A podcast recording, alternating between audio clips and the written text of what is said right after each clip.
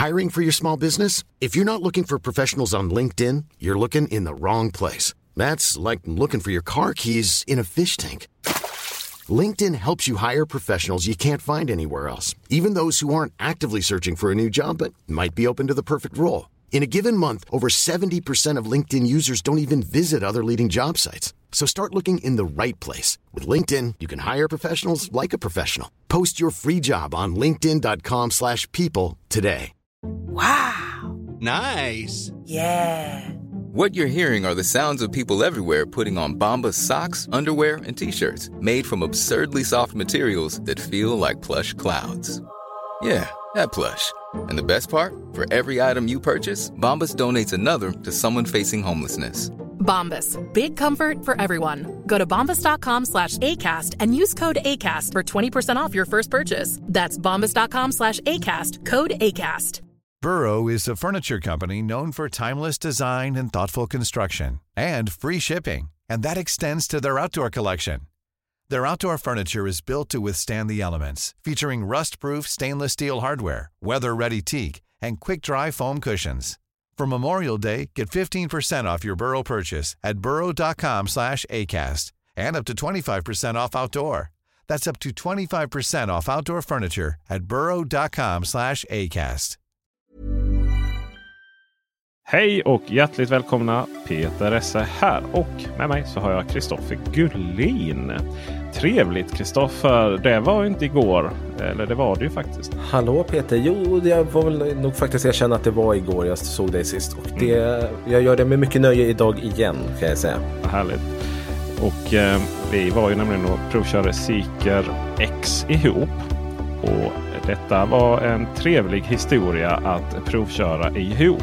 Huruvida bilen var en trevlig historia, det kommer vi inte kunna prata om i detta avsnittet. Utan det kommer vi kunna prata om i näst, nästa avsnitt. Blir det till och med faktiskt. Det kommer komma i ett avsnitt längre fram. Så om man inte redan prenumererar på den här podden så behöver man ju göra det om man vill höra det. Där var det sagt.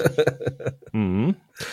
Du, eh, hur är det? Hur var det att ta sig till eh, från Uppsala till Stockholm eh, i din Maxus pickup. Du körde väl den hela vägen eller? Uh, jag provkör just nu Maxus T90 EV, en pickis. Den enda Jaha. E- europeiska elpickupen om vi räknar bort Ford F150 Lightning som är gråimporterad. Uh, och hastighet, maxhastigheten på den är 120, det är väl ingen fara så, men den drar ju något enormt i den hastigheten. Ja. Så jag åkte och hämtade min lilla Cupra istället. Som, du gjorde det? Alltså, ja. den, bara för att ge lite siffror här, Maxusen i 120, mitt räckviddstest drog 418 wattimmar per kilometer.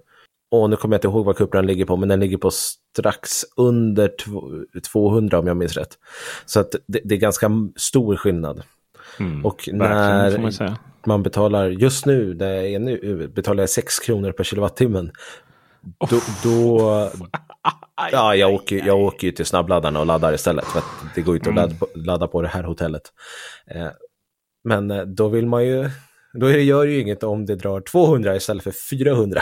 Nej, det får man ju eh, onekligen eh, säga. Så att den fick stanna i Uppsala. Den fick stanna i Uppsala. På tal om laddning här så ska vi gå in och prata om. Eh, vi fick lite feedback och frågor har vi fått. Mm. Feedback ifrån en eh, fantastisk eh, människa och individ som har en eh, podd som heter eh, Nu kommer det. Ja, det ser ut som att vi har fått feedback att vi aldrig nämner den här podden vid dess rätta namn. Men jag tror inte det har så mycket att göra med någonting annat än att eh, det ligger någonstans i, i benmärgen att den hette ju Tesla-podden en gång i tiden.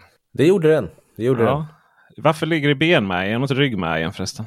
Eh, konstigt. Ja, det, det, jag är inte doktor. Apropå Nej. Eh, den andra Men det podden. är ju Fabian. det är ju Fabian, ja, ja precis. Fabian, ja, så he would Men de har ju då podden eh, Bilar med sladd.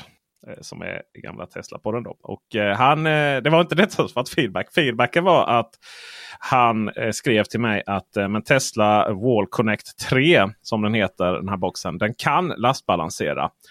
Och mycket riktigt så kan ju dessa boxar lastbalansera mellan varandra. Det vill säga att om du har två boxar och så har du en effekt och maxeffekt som du kan få ut på 11 kilowatt, alltså det vill säga 16 amperes eh, säkringar. Då.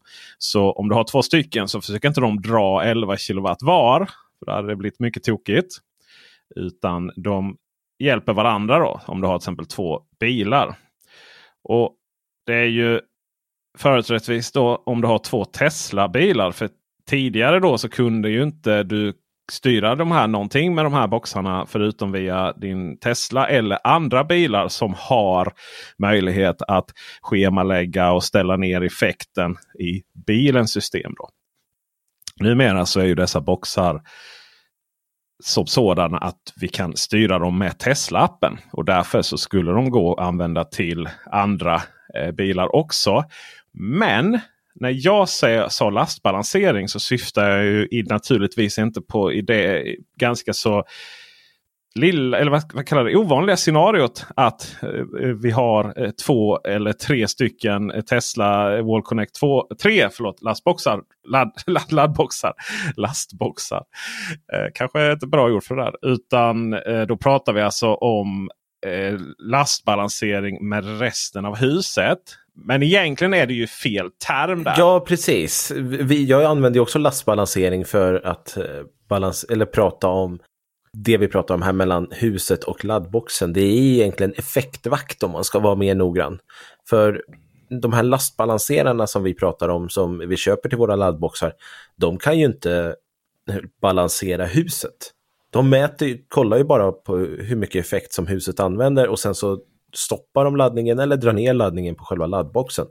Så rent krasst är det ju mer en effektvakt. Och jag vet Precis. att vissa, mång, eller många laddbox-återförsäljare pratar just om effektvakt istället och vill försöka få in det. Jag måste försöka få till det själv också för att det är ju en mer korrekt term. Lastbalansering är ju rent krasst det som är mellan boxarna istället. Ja, det finns ju också en annan typ av lastbalansering som jag tror att många tror att de kanske har också. Vi har ju tre, för att last är lite olika saker här. Eh, alltså, last är ju, alltså, om man lastar på ett lite grus på ett flak så blir det ju mer då. va? Och, och någonstans last kan balansera den här lasten. Men lasten är, vi pratar ju inte trefas egentligen utan det heter ju L1, L2, L3. Detta är ju laster. Last 1, last 2, last 3. Och Vissa tror att eh, den kan, till exempel om huset eh, använder, om du använder mycket saker i köket då. Så att, och så är det liksom på en last då i huset. Och så använder då den lasten, säg att det är last 1 för enkelhetens skull väldigt mycket. Mycket mikro, mycket kaffebryggare. Alltså du maxar den. Och, och, och då, då tror jag det är många som tror att ja, men då kommer laddboxen kunna använda de två andra lasterna. Så att den, lä den lägger liksom en högre eh, effekt på två laster och minska på en annan. Men så bra är det inte. Utan elbilarna tar in, eh, tar in samma effekt på alla laster.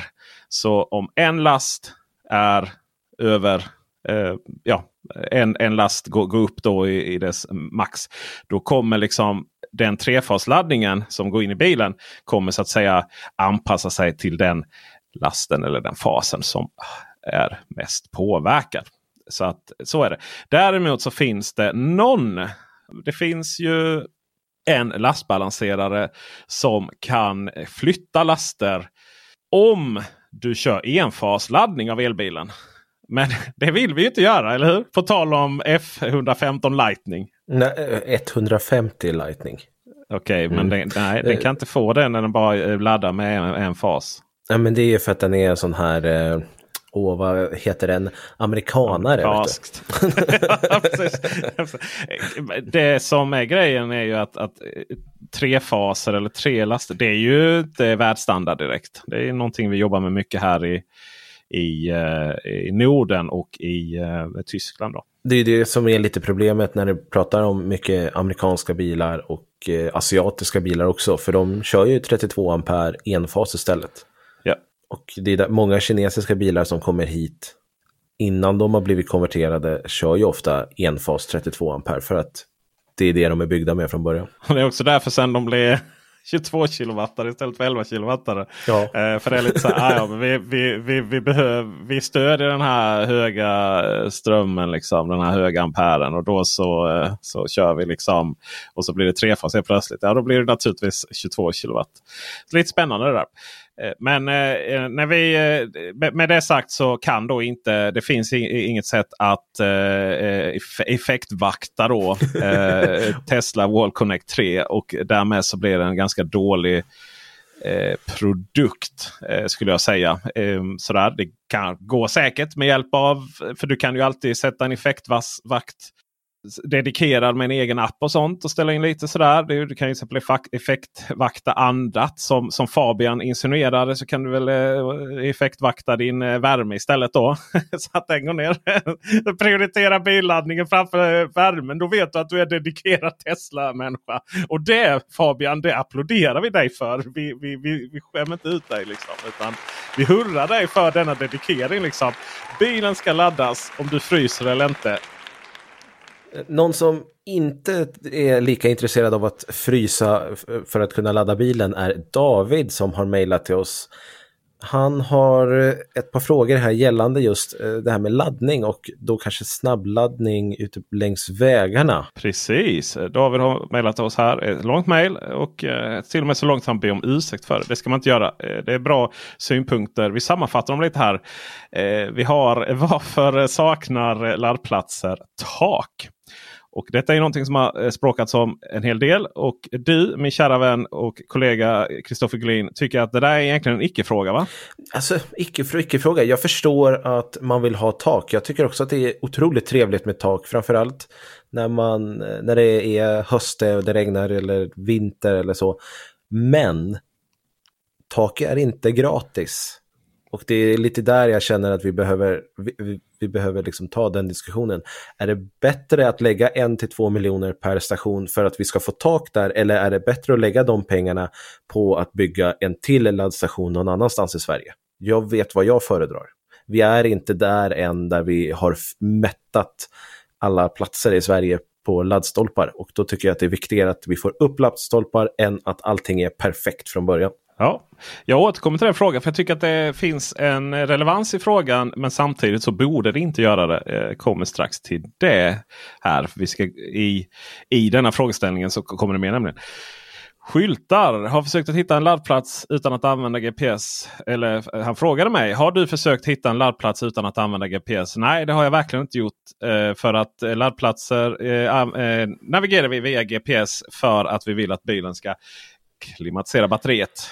Ja, fast alla, kan, alla bilar kan inte göra det. Och jag, jag förstår, jag tycker att Trafikverket har ju... Var det Tesla Club Sweden som eh, skickade en fråga till Trafikverket om det här för något år sedan eller två? Och frågade varför man inte märker ut det och fick det svar från Trafikverket att nej men det behövs inte. Aha. För att vi, vi har dem i GPSen eller? Ja, det finns ingen direkt eh, anledning att göra det vid det här tillfället. Det kanske kan åter, frågan kanske kan återupptas vid ett senare tillfälle.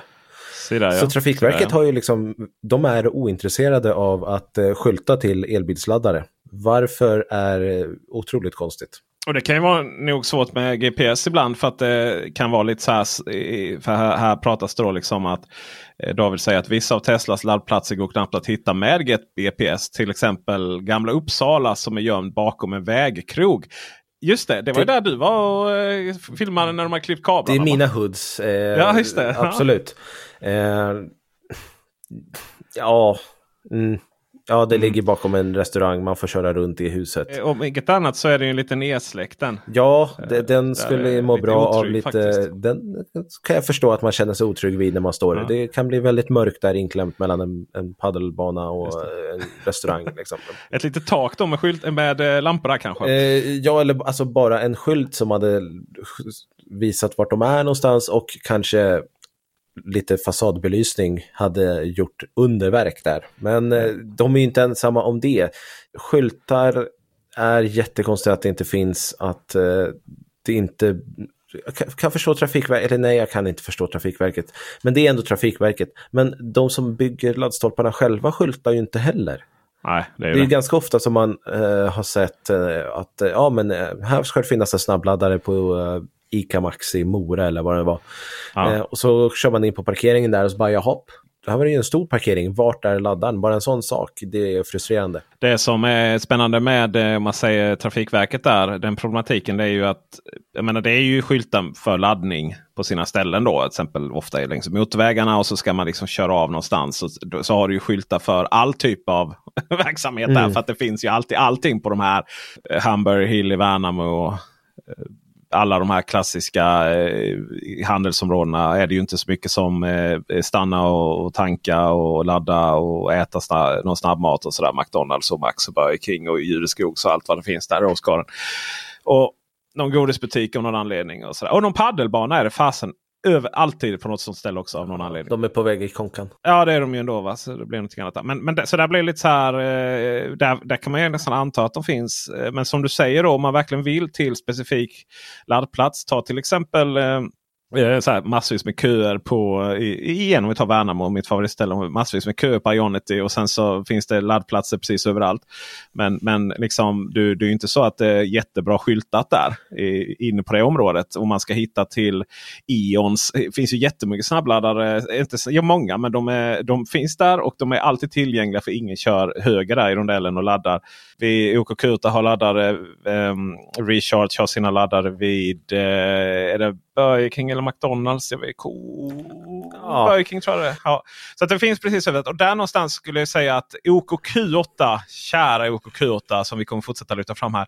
Där är det minsann tydligt om det finns laddare. Då, de har ju satt upp laddpriset på sin stora sån eh, bensinprisskylt. Och där, det blir så tydligt att här finns det minsann laddare. Ja.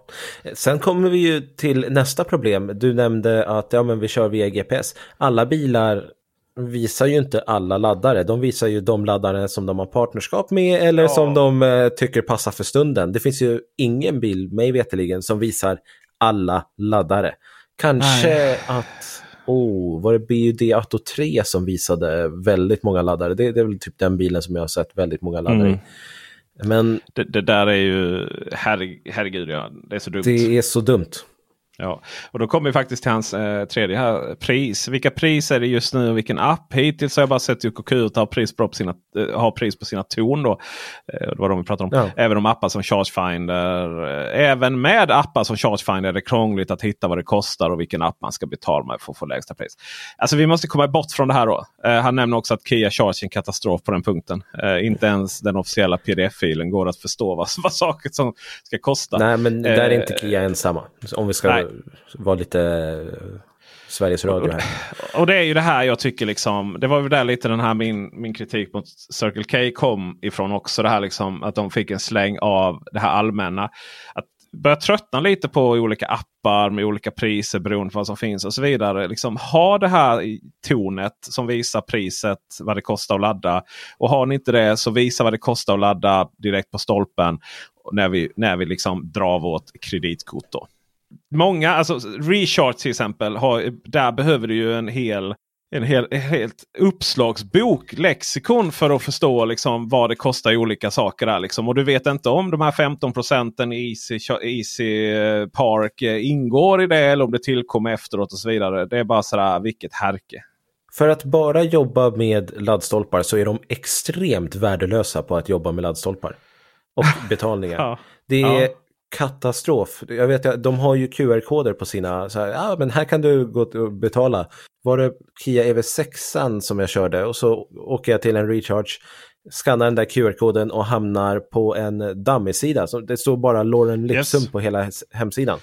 Jag kan, har heller Jaha. aldrig kunnat dra igång laddningen via QR-kod hos Recharge för att eh, webbsidan funkar inte. Och den gången den har funkat så då kommer det upp massvis av sådana eh, du vet GDPR-information Ja. och sådär som man, och man sen ska klicka bort. Det bara så här, men är, det någon, har, är det någon som har på Recharge som har funderat på att folk inte liksom har sina bärbara datorer på motorhuven när de ska logga in på den här webbsidan? Liksom? För den här är ju uppenbarligen inte användarvänlig för mobilen. Den första långresan jag gjorde, det var med en Volvo XC40 på min kanal.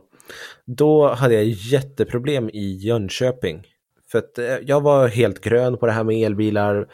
Eh, Det är väldigt tydligt, det är en väldigt jobbig video att titta på så här i efterhand. Eh, Men där står jag vid en recharge-stolpe och får inte igång den för att hemsidan inte funkar. Det var extremt frustrerande. Och sen då om vi fortsätter ge känga här då så. InCharge. Ni kan inte ha information om hur man betalar på kort på laddplatser som inte har kortbetalning. Nej, och de tar bort de där minutpriserna. Gör det tydligt. Vi kan fortsätta med Tesla också. De är också extremt otydliga med vad saker och ting kostar. Och eftersom de byter priser jämt och ständigt så upplever jag att det är väldigt svårt att veta vad jag kommer betala idag. Ja, det jag går måste inte. ju Det kolla via appen. veta. Ja. Alltså, eh, vid en laddplats, jag vill ha att det ska vara, finnas en skärm som säger vad deras ordinarie pris. Jag förstår att man inte har listat alla nätverk. Men deras ordinarie pris borde finnas på tydligt markerat. Vem, är vi, vem är vi nu på? Alla. Så Generellt. Ja, just det. En- För Tesla skärm- har ju inga andra nätverk. Så eller de har inga roaming. Nej men precis. Men en skärm som tydligt visar vad priset är just nu. Och är man som Tesla som visar eller som ändrar pris till och från, då måste det ju vara på en skärm så att man, de kan snabbt uppdatera det. Ja, Och sen kortbetalning.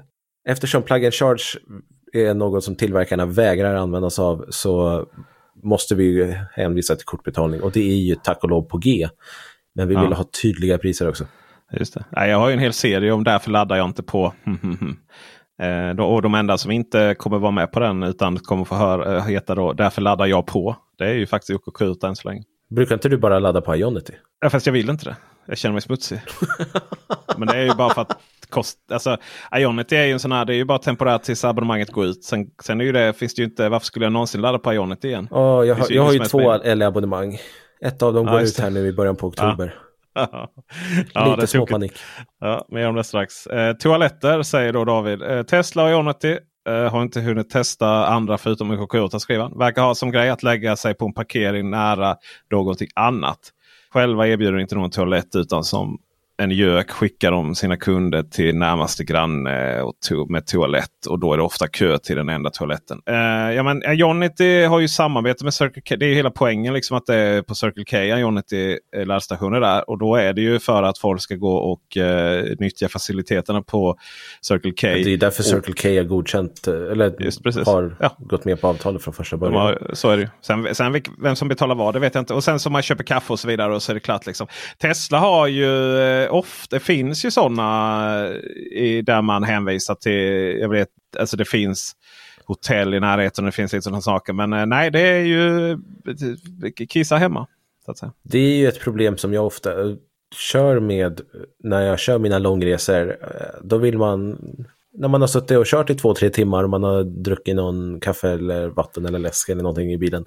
Och sen så ska man stanna och ladda och så bara hopp, vart finns närmsta toalett? Ja. Det, det kan ju vara precis bredvid eller så kan det vara ingenstans. Eh, Det är ju lite något som gör att jag föredrar Circle K och gärna stannar och laddar där. Det kanske inte är billigast men jag vet att jag kommer kunna gå på toaletten. så är det ju helt klart. Det värsta är ju det man har misslyckats med då som elbilsförare, vilket jag gör hela tiden. Det är ju när du måste parkera bilen bredvid laddplatsen. Springa in och gå på toa. Och sen, köra, sen gå ut och sen positionera bilen och börja ladda. För du vet att det här kommer inte bli bra om jag...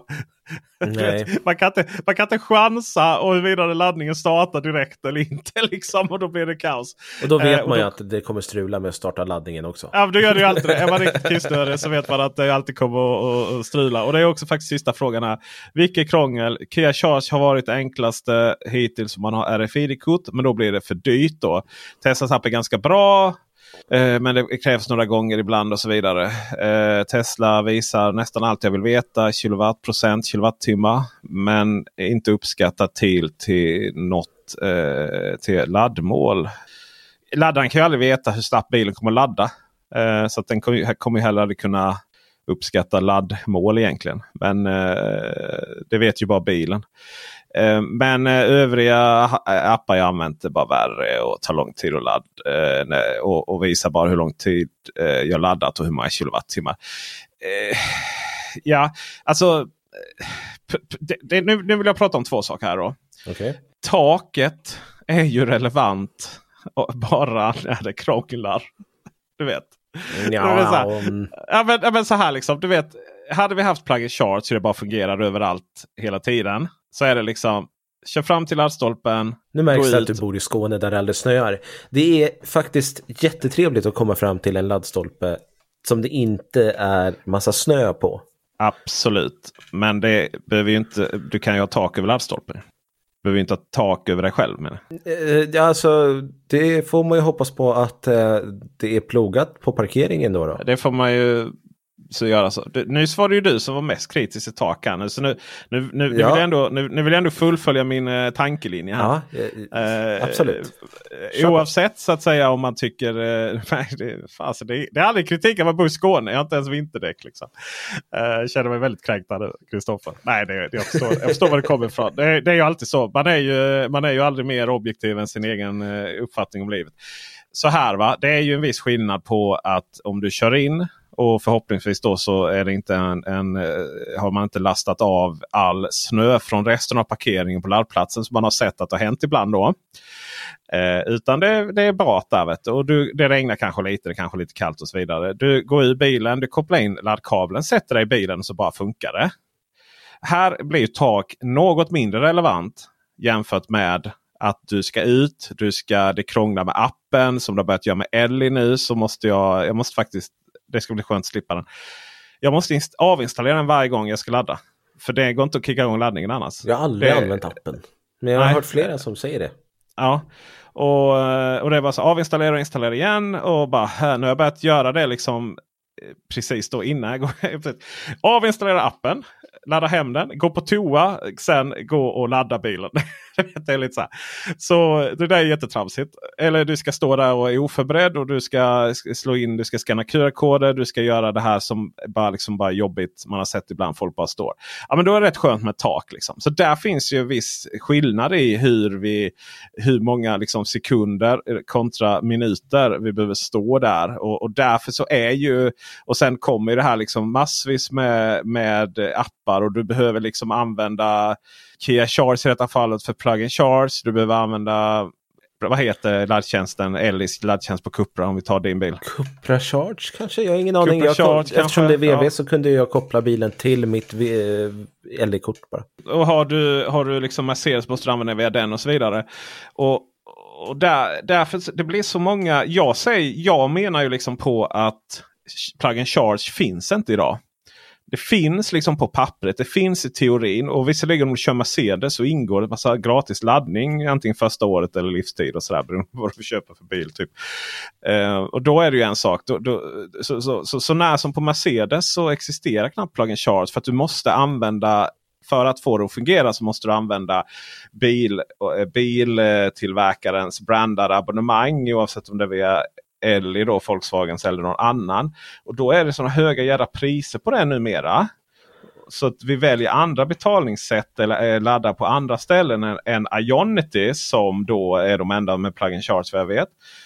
Som faktiskt funkar på riktigt. Och då är det lite så här fasen vad analogt och hemskt allting är. Liksom. Jag håller inte alls med dig med det. Jag tycker att eh, Plug and Charge absolut ska få sitt erkännande och det är klart att det funkar. Eh, att du tycker att det är dyrt gör ju inte att tjänsten inte finns.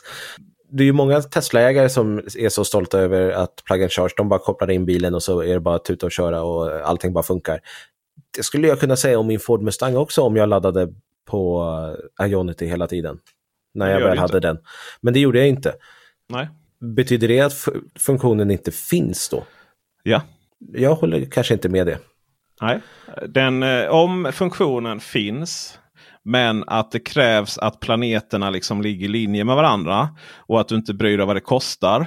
Så att det liksom har en promille användning i, i praktiken. Finns den då på riktigt? Kan man då verkligen säga så här att jag köper, ja men det är så här, ja men Tesla funkar så bra med det här.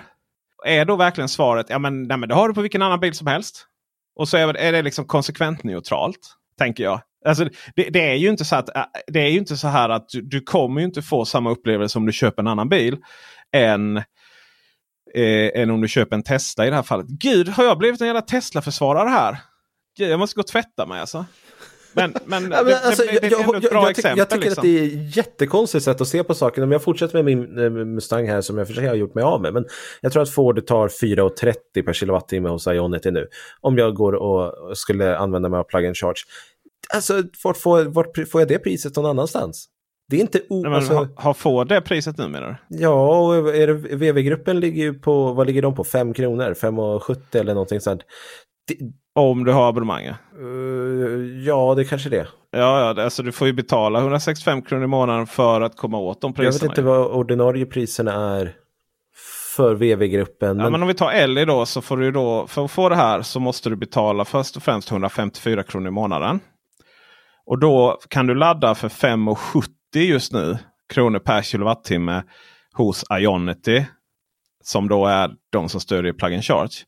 Skulle du ladda hos någon annan då så pratar vi om ett pris på 7,53 kronor per kilowattimme.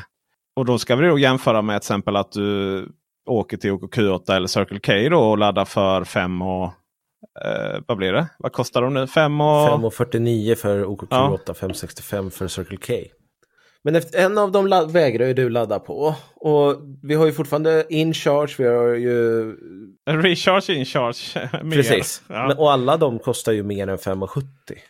ja, och ingen av dem har, och ingen av dem har Plug and charge. pl plug, and, plug and charge. Liksom. Så då kanske det inte är superdumt. Jag tycker, det är jätte, jag tycker det är jättedumt. Och jag tycker det är en icke-fungerande. Jag, jag, skulle, jag skulle liksom aldrig rekommendera någon att ja, det kostar dig 154 kronor extra i månaden.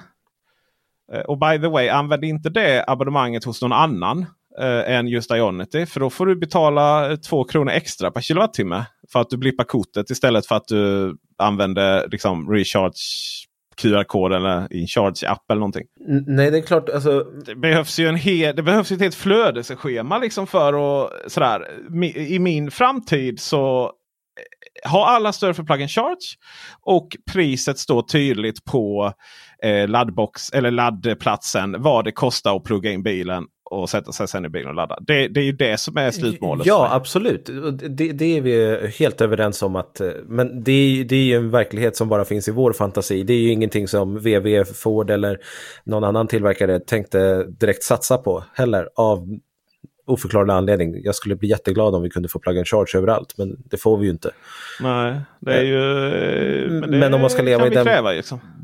Om man ska leva i den verkligheten som vi lever i så, så känner jag att säga att det inte finns bara för att du inte tycker att det är rätt pris där, det, det tycker jag blir konstigt. Men skulle du rekommendera det till någon? Alltså skulle du säga det om, om, man, om man säger så här. Ja. Jag vill ha det absolut eh, smidigaste, enklaste eh, och mest bekymmersfria lösningen. Skulle, Ja. du säga att, skulle du säga att Tesla versus resten då är, alltså det liksom är någon som form av konsekvensneutralt däremellan baserat på hur Nej, men alltså, vad, vad, vad, är, vad är skillnaden? Just nu så är Tesla billigare om du betalar eh, deras eh, månadskostnad, men då får du inte plug and charge. Eller så betalar du några ören mer eh, och 20 kronor mer per månad eller vad det blir. Och så får du plug and charge på Ionity. Nej, jag menar alltså, eh, jag menar om du ska köpa en bil. Eh, så Teslor kontra resten. Jag skulle aldrig köpa en Tesla för att de har plug and charge. Eh, Okej. Eh, och I och med att vi är inne på semantik här nu så vill jag poängtera att Tesla inte har plug and charge så som plug and charge definieras. Utan de har sin egen lösning. då. Ja, det, det är Ja. sant. Ja, Eh, men, det, fungerar, det eh, fungerar på liknande sätt för oss konsumenter. Ja, precis. Det gör det verkligen. Eh, men eh, så, om, om frågan är, jag vill liksom, laddning för mig är det viktigaste. Att det ska bara fungera och smärtfritt och bara koppla in kabeln. Men du skulle inte rekommendera en Tesla ändå? Eh, inte bara baserat på det. Det skulle ju krävas mer än så. Om man väljer en bil bara för att det är enkelt att ladda, snabbladda, då, då känner jag att man eh, har jättemånga bilar att välja på. Om det är det absolut viktigaste. Då kanske man skulle köpa en Tesla. För jag har inte träffat någon som har sagt att det är det absolut viktigaste på deras lista. Och med de bevingade orden så går vi vidare och pratar om eh, nyheter som ironiskt nog handlar om Tesla lite snabbt. Lugn Kristoffer, vi ska gå in på Volvo alldeles strax. Också.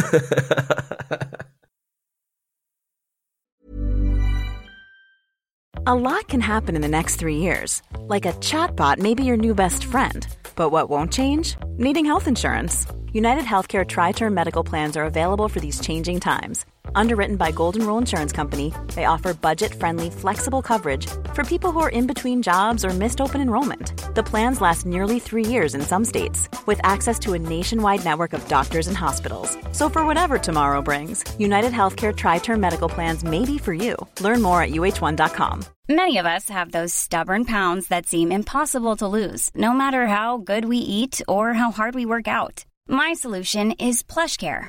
PlushCare is a leading telehealth provider with doctors who are there for you day and night to partner with you in your weight loss journey. They can prescribe FDA-approved weight loss medications like Wagovi and Zepbound for those who qualify.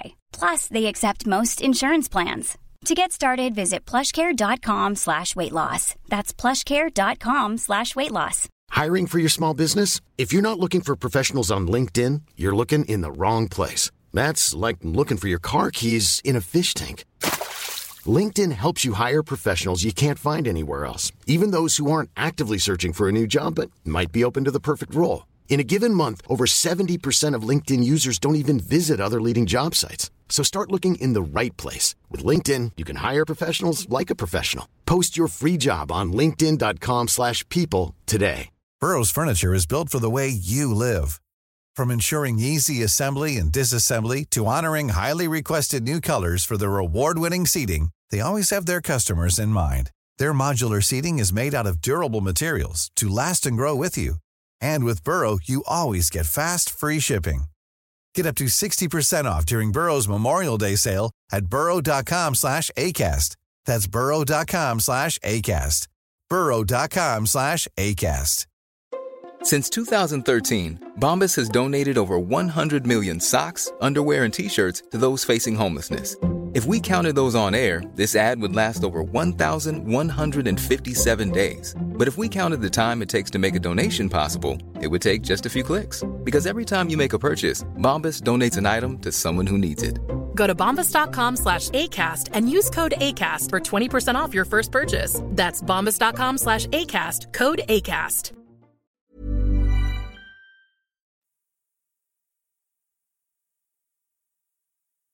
Jo, för det är ju så att Tesla har nu till synes höjt sina priser med en sisådär 9180 kronor. Över alla bilar. Men det är inte så att bilarna har blivit dyrare. Det är bara att priset har blivit ärligare. För det var ju ett tag sedan här nu som vi konstaterade att Tesla la på denna summa på alla bilar. Det gick inte att köpa dem för det priset som syntes på webbsidan då. Och detta tog Konsumentverket fasta på och kollade lite med Tesla. Hur tänker ni här? Och Tesla sa oj, whoops, nej, vi ska ändra detta och eh, vi kommer baka in det här destinations och dokumentavgift på 9180 kronor i priset. Och detta har man nu gjort här veckan. Så att om det ser ut som att Tesla-bilarna har blivit lite, lite dyrare så har de det. För en kategori individer. Tror jag. Kan killgissa här lite. Men det låter logiskt. För nu så ökar ju förmånsvärdet också lite. då. Ja, det var min tanke också. Att ja. du, förmånsvärdet borde väl gå upp eh, några kronor nu. Ja, så är det ju. Men därmed oh, så nej. uppdateras ju inte... det kan inte vara många kronor det handlar om. Nej, det kan inte vara. Och sen är det ju så att eh, de här prislistorna som man går mot på Skatteverket de uppdateras ju inte för sån här liten korrigering. Då. Så Nej, vi lär väl få se något efter nyår först. Ja, det är mars, april vad det kommer de här listorna tror jag. Jaha. Så en Model Y går då på 560 170 kronor. Så det blir liksom, liksom ojämnt här då. Eh, Medan en, eh, en eh, Model 3 eh, blir billigast då helt enkelt. Eh, du får en Model 3 för 519 170 riksdaler. Precis samma pris som man betalade tidigare. Ja, exakt. Ja. Ja. Så blir det ju. Så blir det ju. Precis, även om det då stod lite, äh, lite mindre innan. Precis. Men något som har minskat det är ju Volvo EX30s räckvidd. Och detta innan du ens har fått din bil, Kristoffer. Är du arg och rasande? Ja, jag är helt galet rasande. Nej då, det, det, är väl det här som vi har pratat om tidigare när det kommer till VLTP. Att eh, det är mycket estimeringar och nya bilar har ju inte helt koll på det här. Eh, enligt Volvo så ska ju nya EX30 gå upp till 480 kilometer. Men det har VLTP-siffrorna nu sagt nej till. 476 kilometer kommer man till. Så att man får ju ändå säga att Volvo gissade ganska bra. 4 kilometer kan jag acceptera kan Men det, ja. 476 kilometer är, blir alltså den officiella VLTP-räckvidden för EX30 och då är det extended range. Köper man Twin Motor Performance som jag har gjort så blir man av med ännu mer faktiskt. Eh, Man blir av med 10 kilometer från 460 till 450 kilometer. Så att det eh, blir eh, ingen märkbar skillnad för någon som inte har kört bil. Eh, Det är ingen journalist som har kört bilen än så länge. De hade ju en provåkning här i Göteborg för ett tag sedan. Just det, provåkning, ja. De satt i Ja, precis. De passagerarsätet. fick sitta i passagerarsätet. Och sen vet ju jag att eh, flera motorjournalister har blivit nerbjudna eh, i oktober-november för en första provkörning av bilen.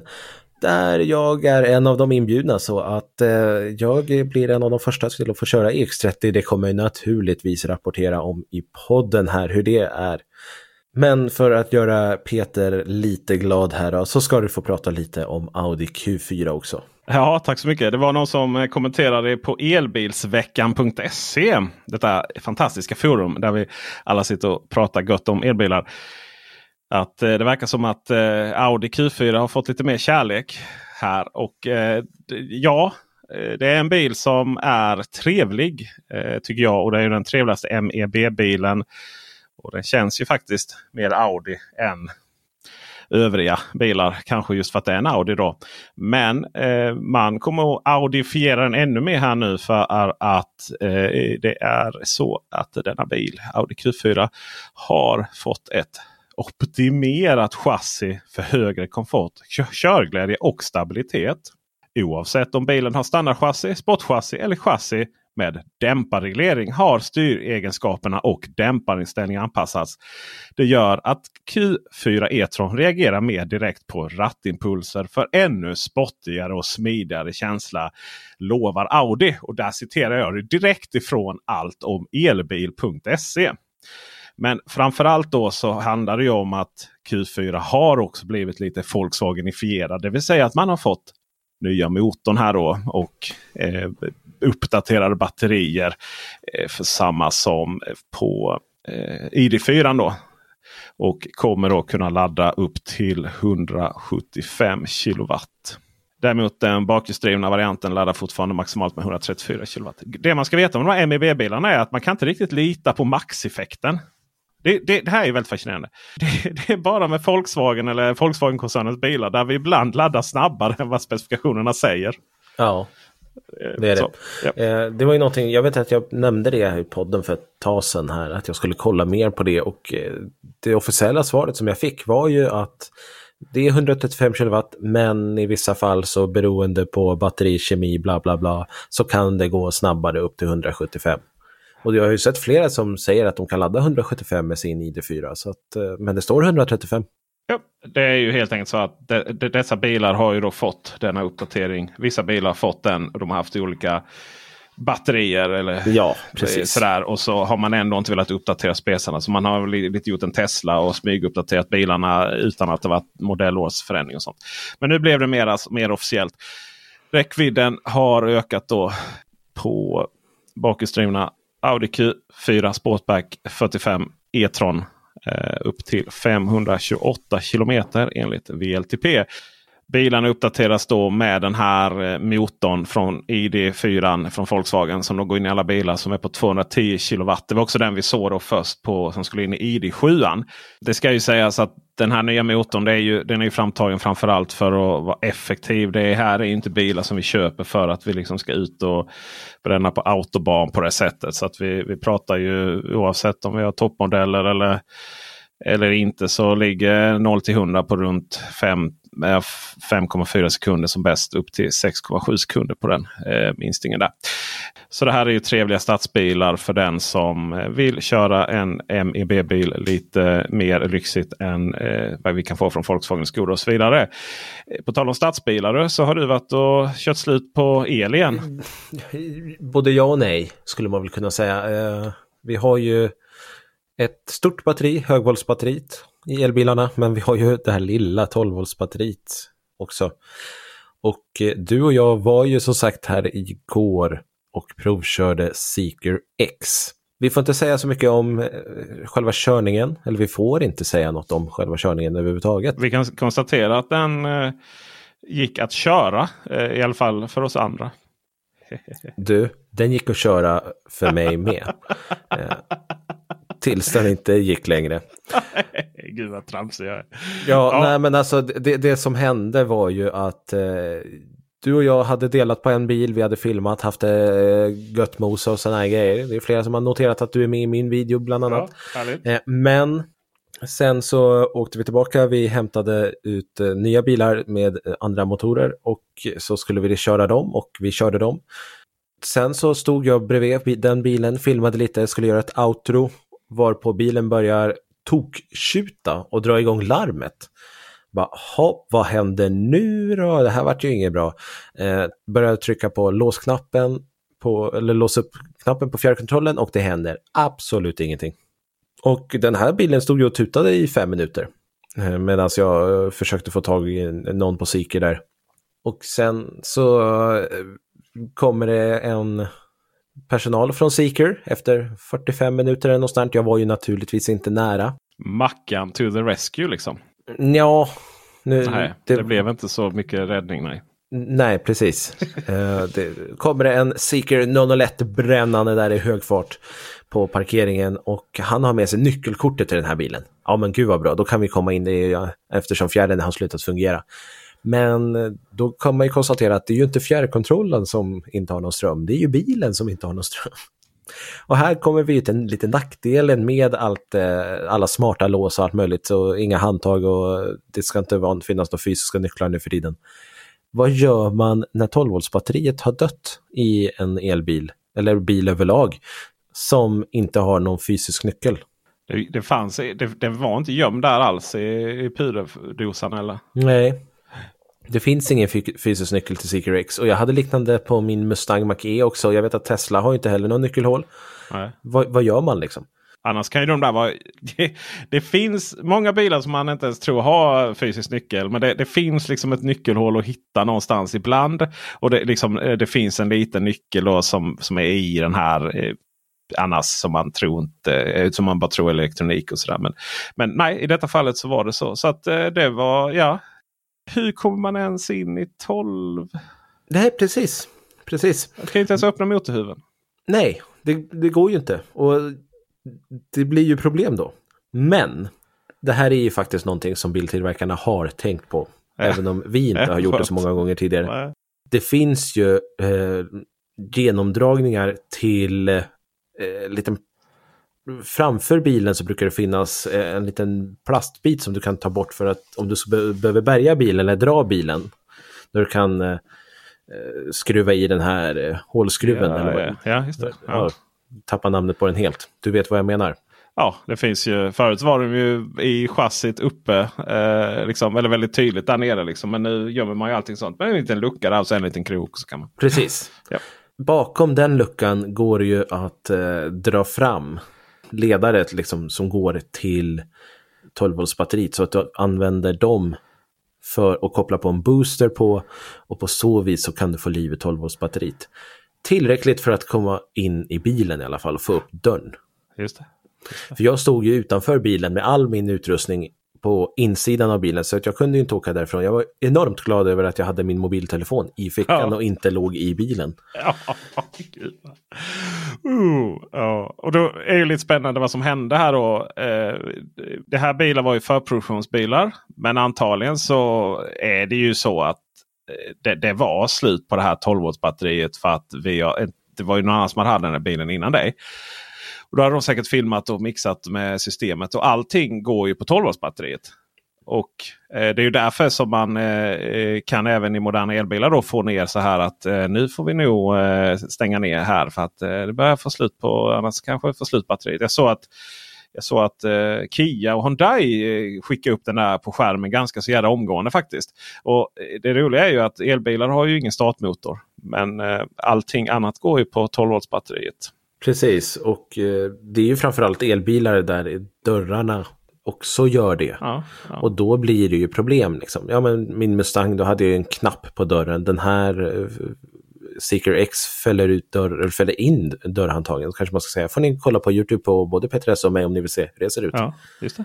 Eller som Tesla som har de där. Tesla Ja, har ju dock en egna. ganska häftig liten grej som heter att eh, 12-voltsbatteriet eh, laddas av högvoltsbatteriet även när inte bilen kör. Ja, fast är 12-voltsbatteriet dött då, vill man ju, om, då kan man inte komma in i bilen. Liksom. Då måste Nej, nej, men det, det, på det, det dör ju aldrig då. Om det... Ja, det går att ta livet av ett 12-voltsbatteri på, i en Tesla också. Har du gjort det? Ja, men alltså den kan ju gå sönder. Det, måste ju, Ja, det är klart att det måste ju sönder, ja. finnas något sätt att komma in i bilen om jag menar, Det är ju 12-voltsbatteriet jävla är skillnad på... eh, Det är Det, skillnad. Tesla är ju inte ensamma om, herregud vad du är Tesla-fanboy idag. Tesla är inte ensamma om att ladda 12-voltsbatteriet Ja, men- från högvolts... Det finns ju flera de var bilar inte- som gör det. Ja, absolut. Det, nu var det bara ett exempel. Och anledningen till att jag tog det exemplet var ju för att Tesla har ju tagit det här med att sitta och kolla på skärmen till en helt ny nivå. Det har de gjort. Ja, och därför så blir det ju. Det hade ju varit helt omöjligt om inte det, det var så. Och eh, här nu så tänker jag att det är ju otroligt korkat när nu det finns teknik för att förhindra det här. Bortsett från att 12-voltsbatteriet går sönder då. Så är det ju lite korkat att det, detta inte finns i bilar generellt sett. Nu vet vi ju inte. Det kan ju vara så att, det här, att den här Seeker X-bilen att eh, det är 12-voltsbatteri, att det var något fel då. Alltså det kan ju finnas massvis med saker här. För vi känner inte till exakt hur den fungerar. Vi vet ju bara att du blev utelåst och detta är ett problem eh, bland en hel del elbilar. Då. Och sen är det ju som sagt det här förproduktion. Eh, inga ADAS-system fungerade ju i princip. Jag fick ju inte köra den där Seeker X tillbaka till hotellet sen utan det gjorde ju Seekers personal. Istället fick jag åka Seeker 001 på allmän väg och det var ju däremot roligt. Det kan jag ju till och med prata om. Ja, Det är ju en nice. fantastiskt skön bil, där, Seeker 001. Ja, det var, Ja, ja. Den blir man, tyvärr så hade inte, var inte den här bilen uppdaterad heller, så den hade inga fungerande ADAS-system och sådana eh, saker. Jag hade ju, såg ju framför mig bara, ha, nu har jag chansen att testa eh, styrsystemet och allting och så fanns det inte, var det inte aktiverat i den bilen. Nej. Så då vart jag lite besviken. Men Det är ju Alltså- eh, så ju. Och, och att det var inte Ja. aktiverat det vet man inte om det har att göra med att eh, det här kommer vara helt fantastiskt. eh, Eller att det är inte riktigt klart ännu. Seeker De säger ju att det inte är klart för de här förproduktionsbilarna. Nej. Och att de antagligen inte kommer få den uppdateringen heller, för de är inte bla bla bla. Ah, Okej, okej, det är så. Ja, det är så. Utan det är ju produktionsbilarna som står på båten, både för 001 och Xen då, som ska få den här uppdateringen. Ja. Så att då var jag på eh, personalen där sen att eh, liksom, ja men jag vill ha en 001 till eh, stugbytardag, eh, eller stugbytardagen för sportlovet när Uppsala ska hem och Stockholm ska Ja. upp. Kan man åka med en shooting break med takbox då, det tror jag blir en bra video. Sist åkte jag med Nidibuss, det vart ju en toppensuccé.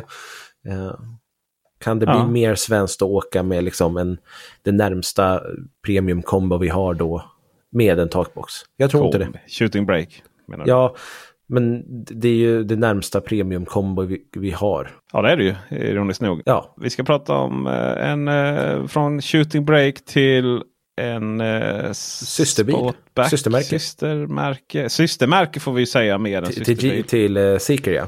Japp, japp. Polestar ligger ju under samma flagg, alltså Geely-gruppen. Just det. Och det är också så att kommande Polestar 4, 5 och 6 då, är utvecklade på samma plattform som Seeker-bilarna.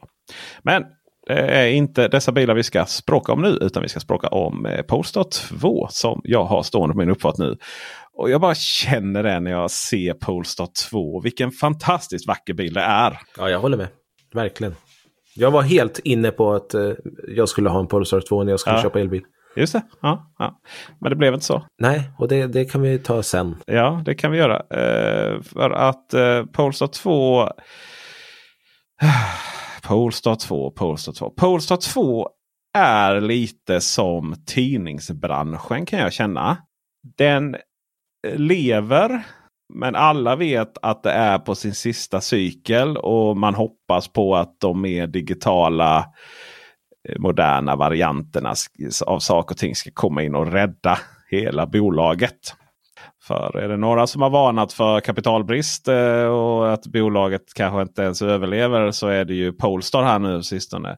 Nu har det dragits lite för höga växlar runt det här. Eh, för att eh, det här med att eh, bolaget bygger bilar på kredit hos Volvo. Eh, ledningen varnar för att bolaget liksom inte kommer ha pengar. Sånt där. Det är ju sådana skrivelser man måste skriva i sina, i sina årsredovisningar naturligtvis. Annars blir man ju från styrelsen och gör inte sitt jobb och så. Men det är väl klart att det är väl klart att Geely inte skulle låta Polestar bara sluta existera här i början av nästa år.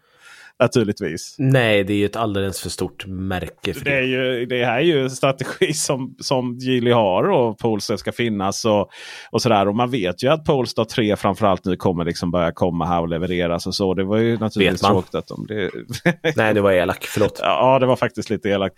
Det, det är klart man vet det. Annars hade, vi varit, annars hade det varit en kris. för Alltså Polestar är ju direkt kopplat till EX90 som ju är en ännu viktigare bil. Och de inte börjar leverera EX90 nu så har den koncernen betydligt större problem än att Polestar bygger bilar på kredit hos Volvo. Liksom. Eh, Volvo är ju eh, en eh, stor ägare av Polestar och Geely och även diverse aktieägare. Då. Men, men det här handlar ju om en, att staka ut en framtid som, som kommer att leva länge. Då. Men under tiden då så har ju Polestar uppdaterat Polestar 2 med eh, den har blivit bakhjulsdriven istället för framhjulsdriven. Och den har eh, fått mer effekt och längre räckvidd och så vidare. Så jag satte mig i den här Polestar Long Range Single Motor då, va, som ska ha en VLTP upp på endast hela 655 kilometer. Så att det är någon som inte har legat i 30 här eh, på denna bilen innan mig. Då kommer det förändras nu då? När, när du har den? när jag kör, ja, precis, ja, precis. 35 på 40-väg i city. Exakt, exakt. Jag är ändå 40 vet du. Så här kör man lite gubbe. Men ja, jag sätter mig i den här bilen. Som en gång i tiden var min så här drömbil också.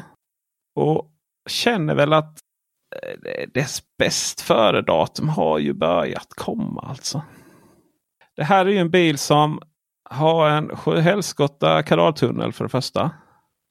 Och den är den, den, den är okej, okay, men alltså jag kan, det, jag kan inte, det, det är ju ingen bil man manspreadar i så mycket. Alltså. Det, man, man sitter där ganska det, tajt. Det gör eh, mittkonsolen ganska bra själv. Ja, just det.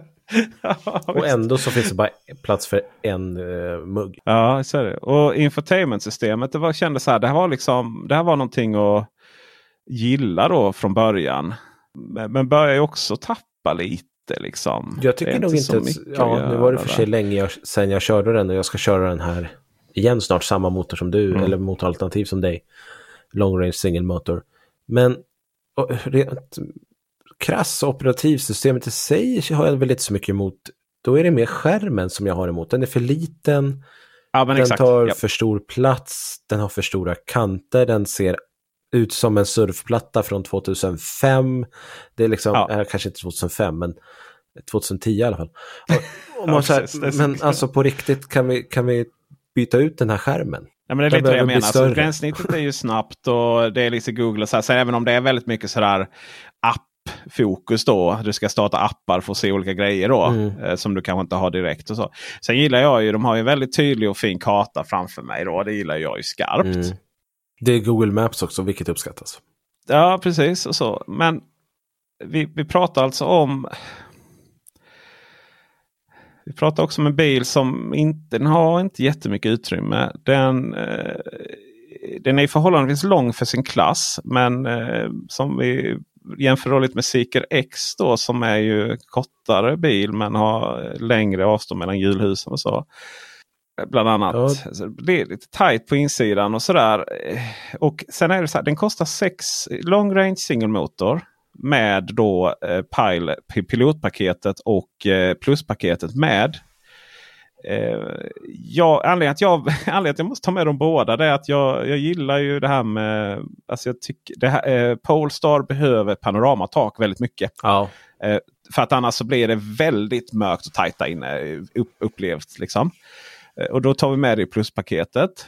Och då får du ju lite andra roliga saker också naturligtvis. Då, så som bättre stereo och lite andra, andra inlägg och sånt. Men, men det är inte därför som liksom pluspaketet. Pluspaketet är det som går, man kan ta bort så fall eh, faktiskt.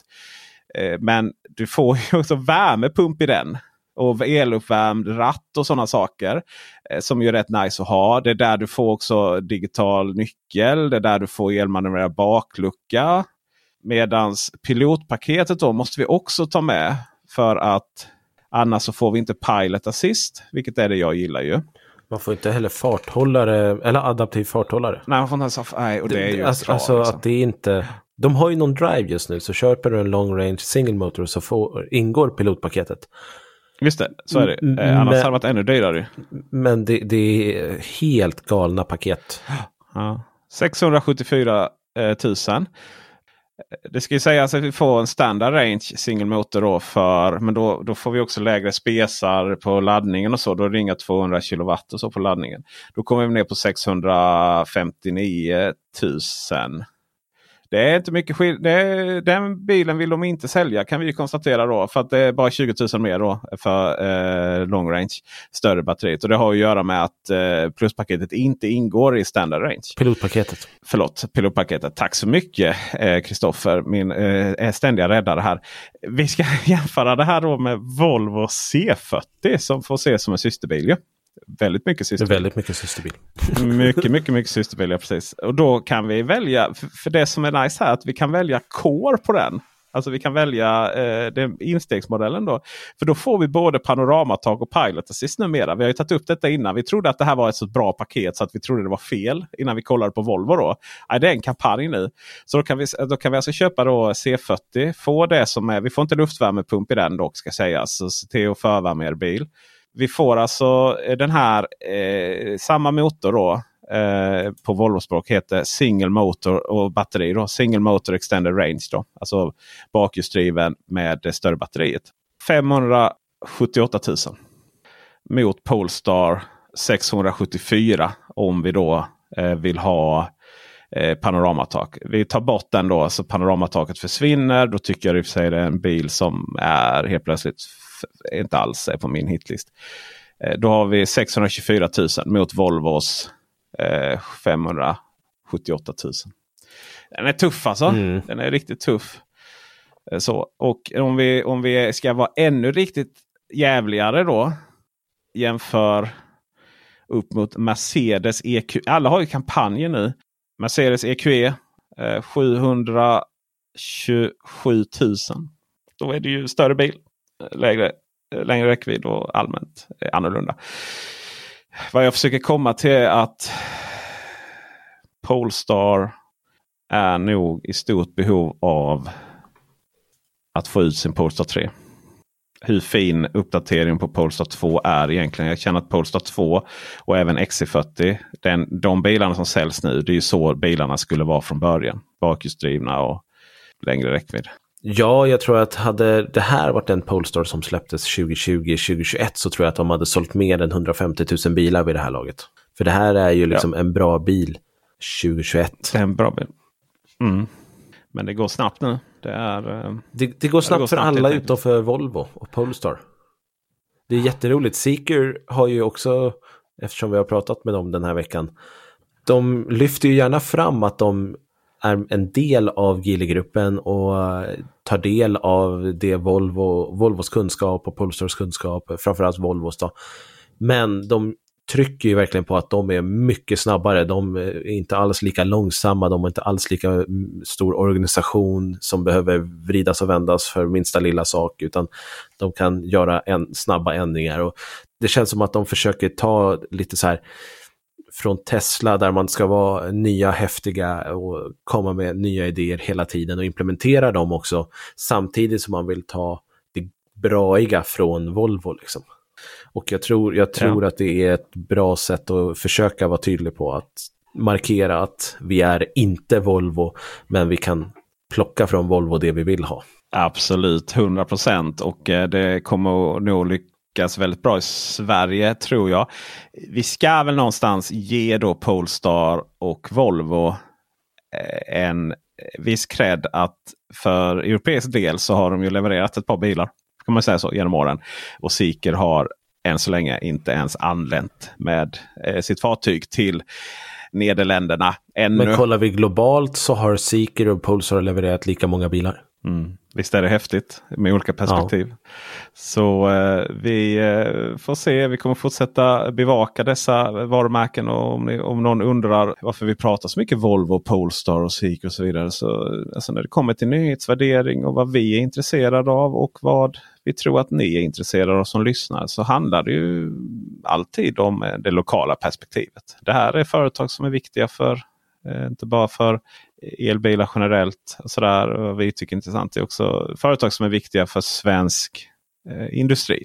Eh, och sådär. Och Seeker till exempel eh, handlar ju väldigt mycket om koppling till Lindholmen och, och Göteborg då fortfarande då designavdelningen eh, där sitter där. och sådär. Så Det är därför dessa, det finns bilar som vi pratar mer om och biltillverkare vi pratar lite mindre om. Är du en biltillverkare som vill att vi ska göra mer tydligt i, i podden att du finns så bjud in oss till ett event vet jag. Det, det brukar, brukar kunna hjälpa lite till. så det fungerar. Ja precis, eh, helt enkelt så att vi pratar ju om det som vi har upplevt eh, se, eh, sist. Eh, sen, sen förra avsnittet ska sägas. Eh, och med det mina kära lyssnare och du min kära Kristoffer Gullin är vi klara här. Och eh, Kristoffer Gullins fina video på Seeker X och kommande fina video på Volvos och eh, Polestars och annat hittar ni på i, i inte Elbilsveckan. Det kan ni göra elbilsveckan.se men, men framförallt Elbilsmagasinet på Youtube. Där fick jag rätt på det. Så är det, så är det. Och är det så att man inte vill ha med Peter Esse att göra på elbilsveckan.se peter.se så kan man också även hitta honom på Youtube på Peter Esse såklart. Ett googlat. Det är enkelt googlat, det får man ändå säga. Som sagt, har ni inte registrerat er på forumet elbilsveckan.se så gör det. Vill ni hellre mejla oss utan att registrera er där så kan man mejla till info.elbilsveckan.se. Med de orden så tänker jag att eh, jag ska tacka Dennis Klarin också för fantastisk redigering det glömmer jag alltid. Jag ber om ursäkt Dennis. Vi tycker om dig och vi gillar det du levererar. Ha fortsatt fin vecka till alla er som lyssnat. Ha det bra. Så hörs vi i nästa avsnitt. Hej, Hej på er.